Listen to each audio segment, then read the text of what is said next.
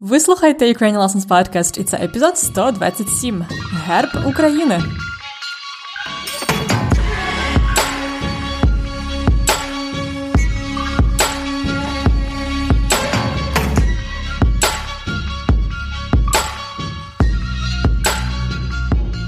Привіт-привіт!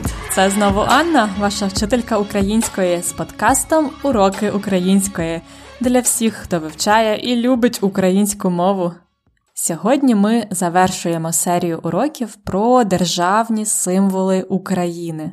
Ми вже говорили про гімн, про прапор, і сьогодні на черзі герб. Що таке герб і з чим його їдять? Про це я вам і розповім сьогодні, трохи згодом. Бо спочатку я хочу, щоб ви послухали голосове повідомлення від нашого слухача подкасту. Так, я отримала ще одне голосове повідомлення, цього разу з Німеччини від Рольфа. Рольф кілька років жив і працював в Києві. Він почав там вивчати російську мову, але потім вирішив вивчати українську. Чому? Дізнайтеся в його повідомленні. Готові слухати? Вітаю вас, шановні слухачі. Я Рольф, я живу в Німеччині, в долині Райну в Пфальці. На початку року 2014 я отримав можливість працювати фінансовим директором у компанії BASF в Києві. Звичайно, як я німець, мені треба було вивчити мову. Багато людей мені казали, що в Україні краще вивчати російську, ніж українську, тому що це мова бізнесу. Тому я брав уроки російської мови майже кожен день. Тим не менш, навіть через два роки життя в Україні я відчував, що мені все вже було дуже важко. Податкові світи, договори та багато інших документів були українською мовою. Тому я вирішив вчити українську мову. Оскільки я вже трошки знав російську, спочатку мені було легко. Я відчував, що мої зусилля розмовляти українською мовою сприймали дуже позитивно. Але, тим не менш, це найважливіша проблема для іноземців в Україні. Щоб добре розуміти і спілкуватися, треба знати обидві мови. Для мене вчити мови це також дуже приємне хобі і відпочинок. І я також люблю спілкуватися з моїми дуже приємними знайомими. Зараз, через більш ніж 5 років в Києві, мені завжди цікаво, що відбувається в Україні. Звичайно, політика цікава зараз, тому що так багато молоді в інституціях. Мені багато допомагали в Україні, і я люблю і поважаю своїх друзів, вчителів та колег. З нетерпінням жду мого наступного візиту до Києва. Щиро дякую, Рольфе, за це повідомлення. Мені дуже приємно чути вас і дізнатися більше про вас. Цікава історія у Рольфа, правда? І досить типова, оскільки він працював у компанії в Києві, йому радили вивчати російську мову, тому що це мова бізнесу. Тож він і почав вчити російську. Але, тим не менш, Рольфу було складно, бо вся документація в Україні, звичайно, українською мовою. Тому він почав вивчати українську і відчув, що його зусилля розмовляти українською мовою сприймали дуже позитивно. Але загалом Рольф вважає, що в Україні треба знати обидві мови і українську, і російську. Це правда, якщо жити в Києві, на сході чи на півдні України багато людей там розмовляють російською мовою. Але з іншого боку, якщо вже вивчив одну слов'янську мову, вчити наступну досить легко і просто. Рольф теж це сказав. Він з нетерпінням чекає наступного візиту до Києва. Ласкаво просимо вас назад до України, Рольфе, і дякую вам ще раз за повідомлення. Друзі, я дуже щаслива отримувати такі повідомлення, тому що так я можу почути ваш голос і ваш прогрес в українській мові. Вони мені гріють душу, тому чекаю на більше голосових повідомлень від вас, добре? А зараз перейдімо до справи, перейдімо до теми епізоду про герб України.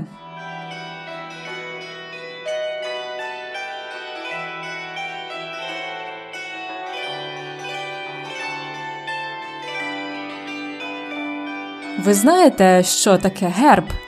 Герб це такий малюнок, символ певної країни, може бути також символ міста чи навіть однієї важливої сім'ї.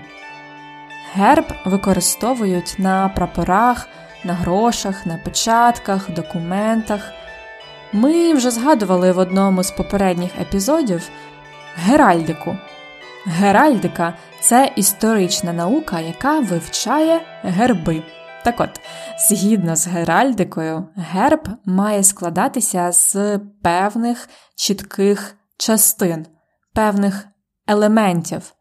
Тому зазвичай герб великий і детальний. А в Україні теоретично має бути два типи гербів: один великий і один малий герб. Про це навіть написано в Конституції України. Але поки що у 2019 році у нас немає великого герба, ми його ще не затвердили, не вибрали. Натомість офіційно маємо зараз тільки малий герб. Малий герб України називається Тризуб. Можливо, ви бачили коли-небудь цей символ? Він є на прапорі України, на копійках, на гривнях і навіть на футболках. У мене, до речі, є кілька футболок з гербом. Як на мене, герб України тризуб дуже гарний, він простий і вишуканий. А вам як здається?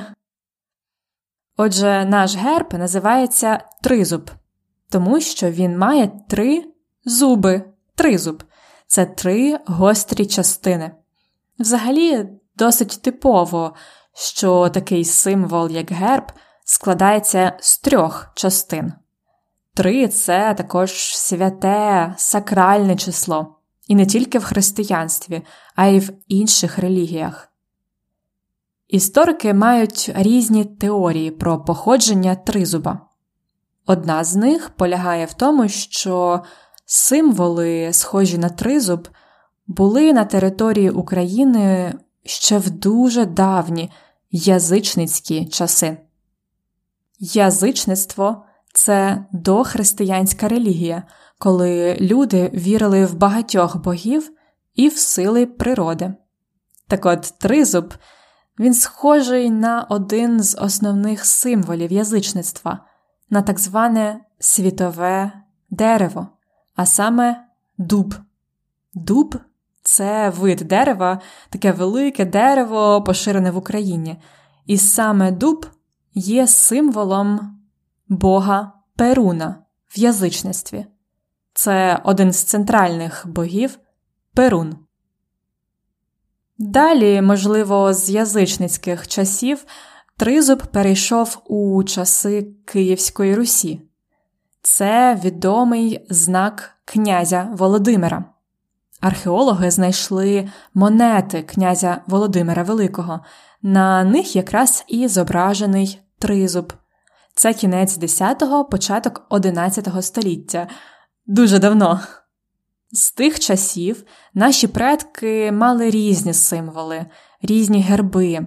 А коли у 1917 році постало питання про незалежність України, український історик Михайло Грушевський зібрав комісію.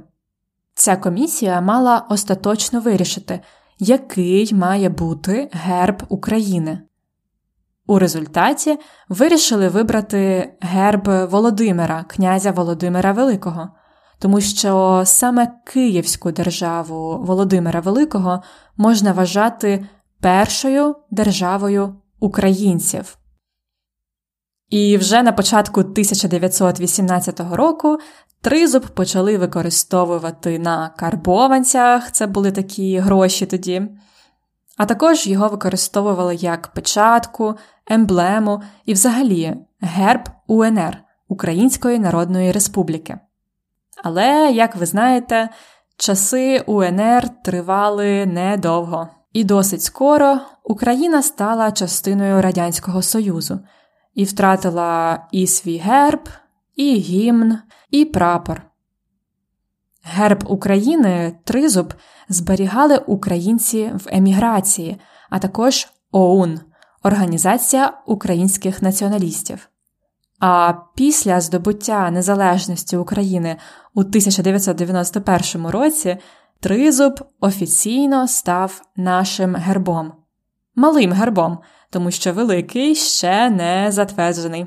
Хоча неофіційно великий герб України складається з трьох частин: це козак, символ центральної України, лев, символ Галичини, і тризуб, який їх поєднує. Отже, тепер, якщо ви купите собі футболку з тризубом, то будете знати трохи більше про його історію. До речі, ще один цікавий факт чи міф.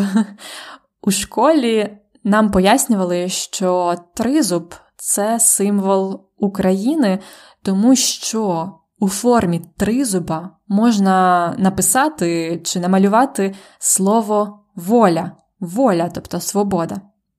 Візьмемо в ліворуч, так? О знизу посередині, такий маленький кружечок.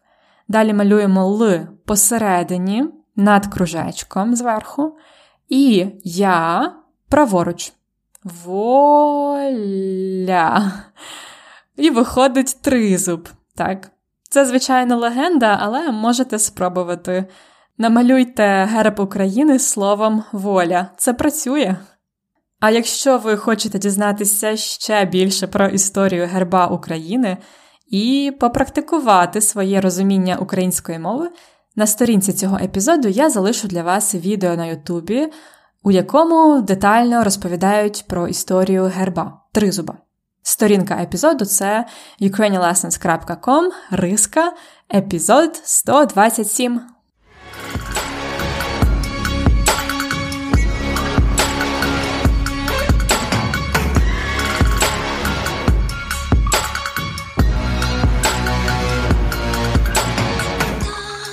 А зараз, як завжди, розгляньмо деякі цікаві вирази та ідіоми, які я сьогодні вживала.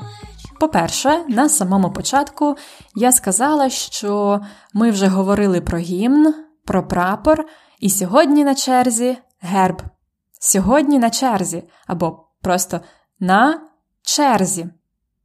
Черга це порядок, послідовність. Коли ви стоїте в магазині, так ви чекаєте у черзі. так? Е, ваш порядок у черзі це номер, за яким ви стоїте. Коли черга доходить до певної речі, ця річ на черзі. Наприклад, на черзі рубрика ідіоми і вирази. Тобто зараз час, черга говорити про ідіоми та вирази. Дійшла черга цієї рубрики. Зараз на черзі. Отже, я казала, ми вже говорили про гімн, прапор, і сьогодні на черзі герб. Що таке герб і з чим його їдять? Що таке герб і з чим його їдять? Це така досить весела ідіома, яку ми вживаємо про щось, що ми не знаємо. Тобто, з чим його їдять, інакше кажучи, з чим його використовувати, як його використовувати. Це, звичайно, може стосуватися їжі. Наприклад, що таке марципан і з чим його їдять. Але може бути і не тільки про їжу. Наприклад, дієприслівник, що це таке і з чим його їдять. Його не їдять, звичайно, але ми маємо на увазі, як його використовувати, що це таке і як його їдять, як його використовують.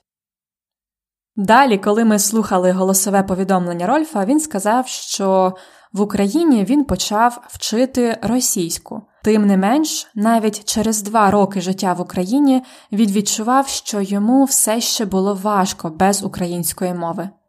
Тим не менш означає протиставлення. Цей вираз схожий на але, однак або а втім. Наприклад, я дуже люблю каву. Тим не менш, я намагаюсь пити не більше, ніж одну чашку кави на день. А ви? Тим не менш. Говорячи про російську та українську мову, Рольф сказав, що в Україні бажано знати обидві мови. Але з іншого боку, якщо вже вивчив одну слов'янську мову, вчити наступну досить легко і просто. З іншого боку, це дуже корисний вираз, який ми часто використовуємо, і який є також в англійській мові. З іншого боку, тобто, якщо розглянути інший аспект, це теж своєрідне протиставлення. І легко і просто. Взагалі, легко і просто це синоніми легко або просто. Але якщо сказати легко і просто, це дуже легко. Це така фраза, яку ми іноді вживаємо, особливо у розмовній мові. Для мене приготувати борщ це легко і просто. Ще сьогодні я сказала, що дуже щаслива отримувати від вас голосові повідомлення. Вони мені гріють душу. Можливо, ви пам'ятаєте цей фразеологізм з третього сезону. Гріти душу це тішити, радувати, щось гріє душу, щось не просто подобається, а дуже подобається, подобається в душі, у серці. Що мені ще гріє душу? М-м- Ваші коментарі і відгуки в програмі подкасти гріють мені душу, тому напишіть мені коментар або відгук. Добре? І далі про тризуб я сказала, що, як на мене, він у нас дуже гарний, простий і вишуканий. Як на мене, це корисний вираз, який означає на мою думку. Я вважаю, мені здається, як на мене. Як на мене, історії про українську символіку дуже цікаві. А вам як здається? І останній корисний вираз на сьогодні постало питання. Коли у 1917 році постало питання про те, що Україна може стати незалежною, український історик Михайло Грушевський зібрав комісію, яка мала вирішити остаточно, який буде герб України постає питання, тобто щось починають активно обговорювати. Можна ще сказати, виникає питання, наприклад, за останні роки в Україні частіше постає питання бути ближче до Європейського Союзу чи до Росії. А перед вами може постати таке питання: як вивчати українську мову, коли ви вже її добре розумієте? Відповідь слухати наш подкаст і займатися з конспектами епізодів. Конспекти містять повний текст епізоду, тобто абсолютно все, що я кажу, переклад складних слів, список ідіом, корисні таблиці і вправи для практики. Щоб дізнатися більше про наші конспекти, якщо ви їх ще не отримуєте, зайдіть на ukrainianlessons.com риска преміум.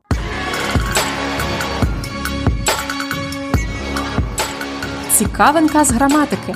Коли я розповідала вам про часи радянської України, я сказала, що в Радянському Союзі Україна втратила і свій герб, і гімн, і прапор. І, і, і. Чому так багато і? Україна втратила і свій герб, і гімн, і прапор. Якщо сказати просто, Україна втратила герб, гімн і прапор. Тут ми робимо акцент, тобто наголошуємо на самій інформації, на тому, що Україна втратила що? Герб, гімн і прапор. Але якщо сказати, Україна втратила і герб, і прапор, і гімн, тут ми наголошуємо на тому, що Україна втратила не тільки герб, а й гімн. І не тільки герб і гімн, а ще й прапор. Тобто ми наголошуємо на тому, який це великий список. Такі сполучники і, і, і називаються повторювані, тобто вони повторюються. Повторювані сполучники. Є й інші повторювані сполучники це ні-ні, ані-ані, то-то, чи-чи, чи то, чи то, не то, не то. А ось ще кілька прикладів для вас е, з використанням таких сполучників. Оксана не їсть ні м'яса, ні риби, ні сиру. Тобто вона веганка. Тут ми наголошуємо на тому, що вона багато чого не їсть. Вона не їсть ні м'яса, ні риби, ні сиру. Олег чи то хворий, чи то просто втомився. Тобто він має поганий вигляд, але ми не знаємо точну причину, ми перебираємо різні варіанти. Олег чи то хворий, чи то він просто втомився. Ще раз, повторювані сполучники це і-і, ні-ні, ані-ані, то-то, або-або, чи-чи, чи то, чи то, і не то, не то. Ви можете переглянути повну таблицю з прикладами до всіх цих сполучників у конспекті уроку, а також ви знайдете там вправи для практики.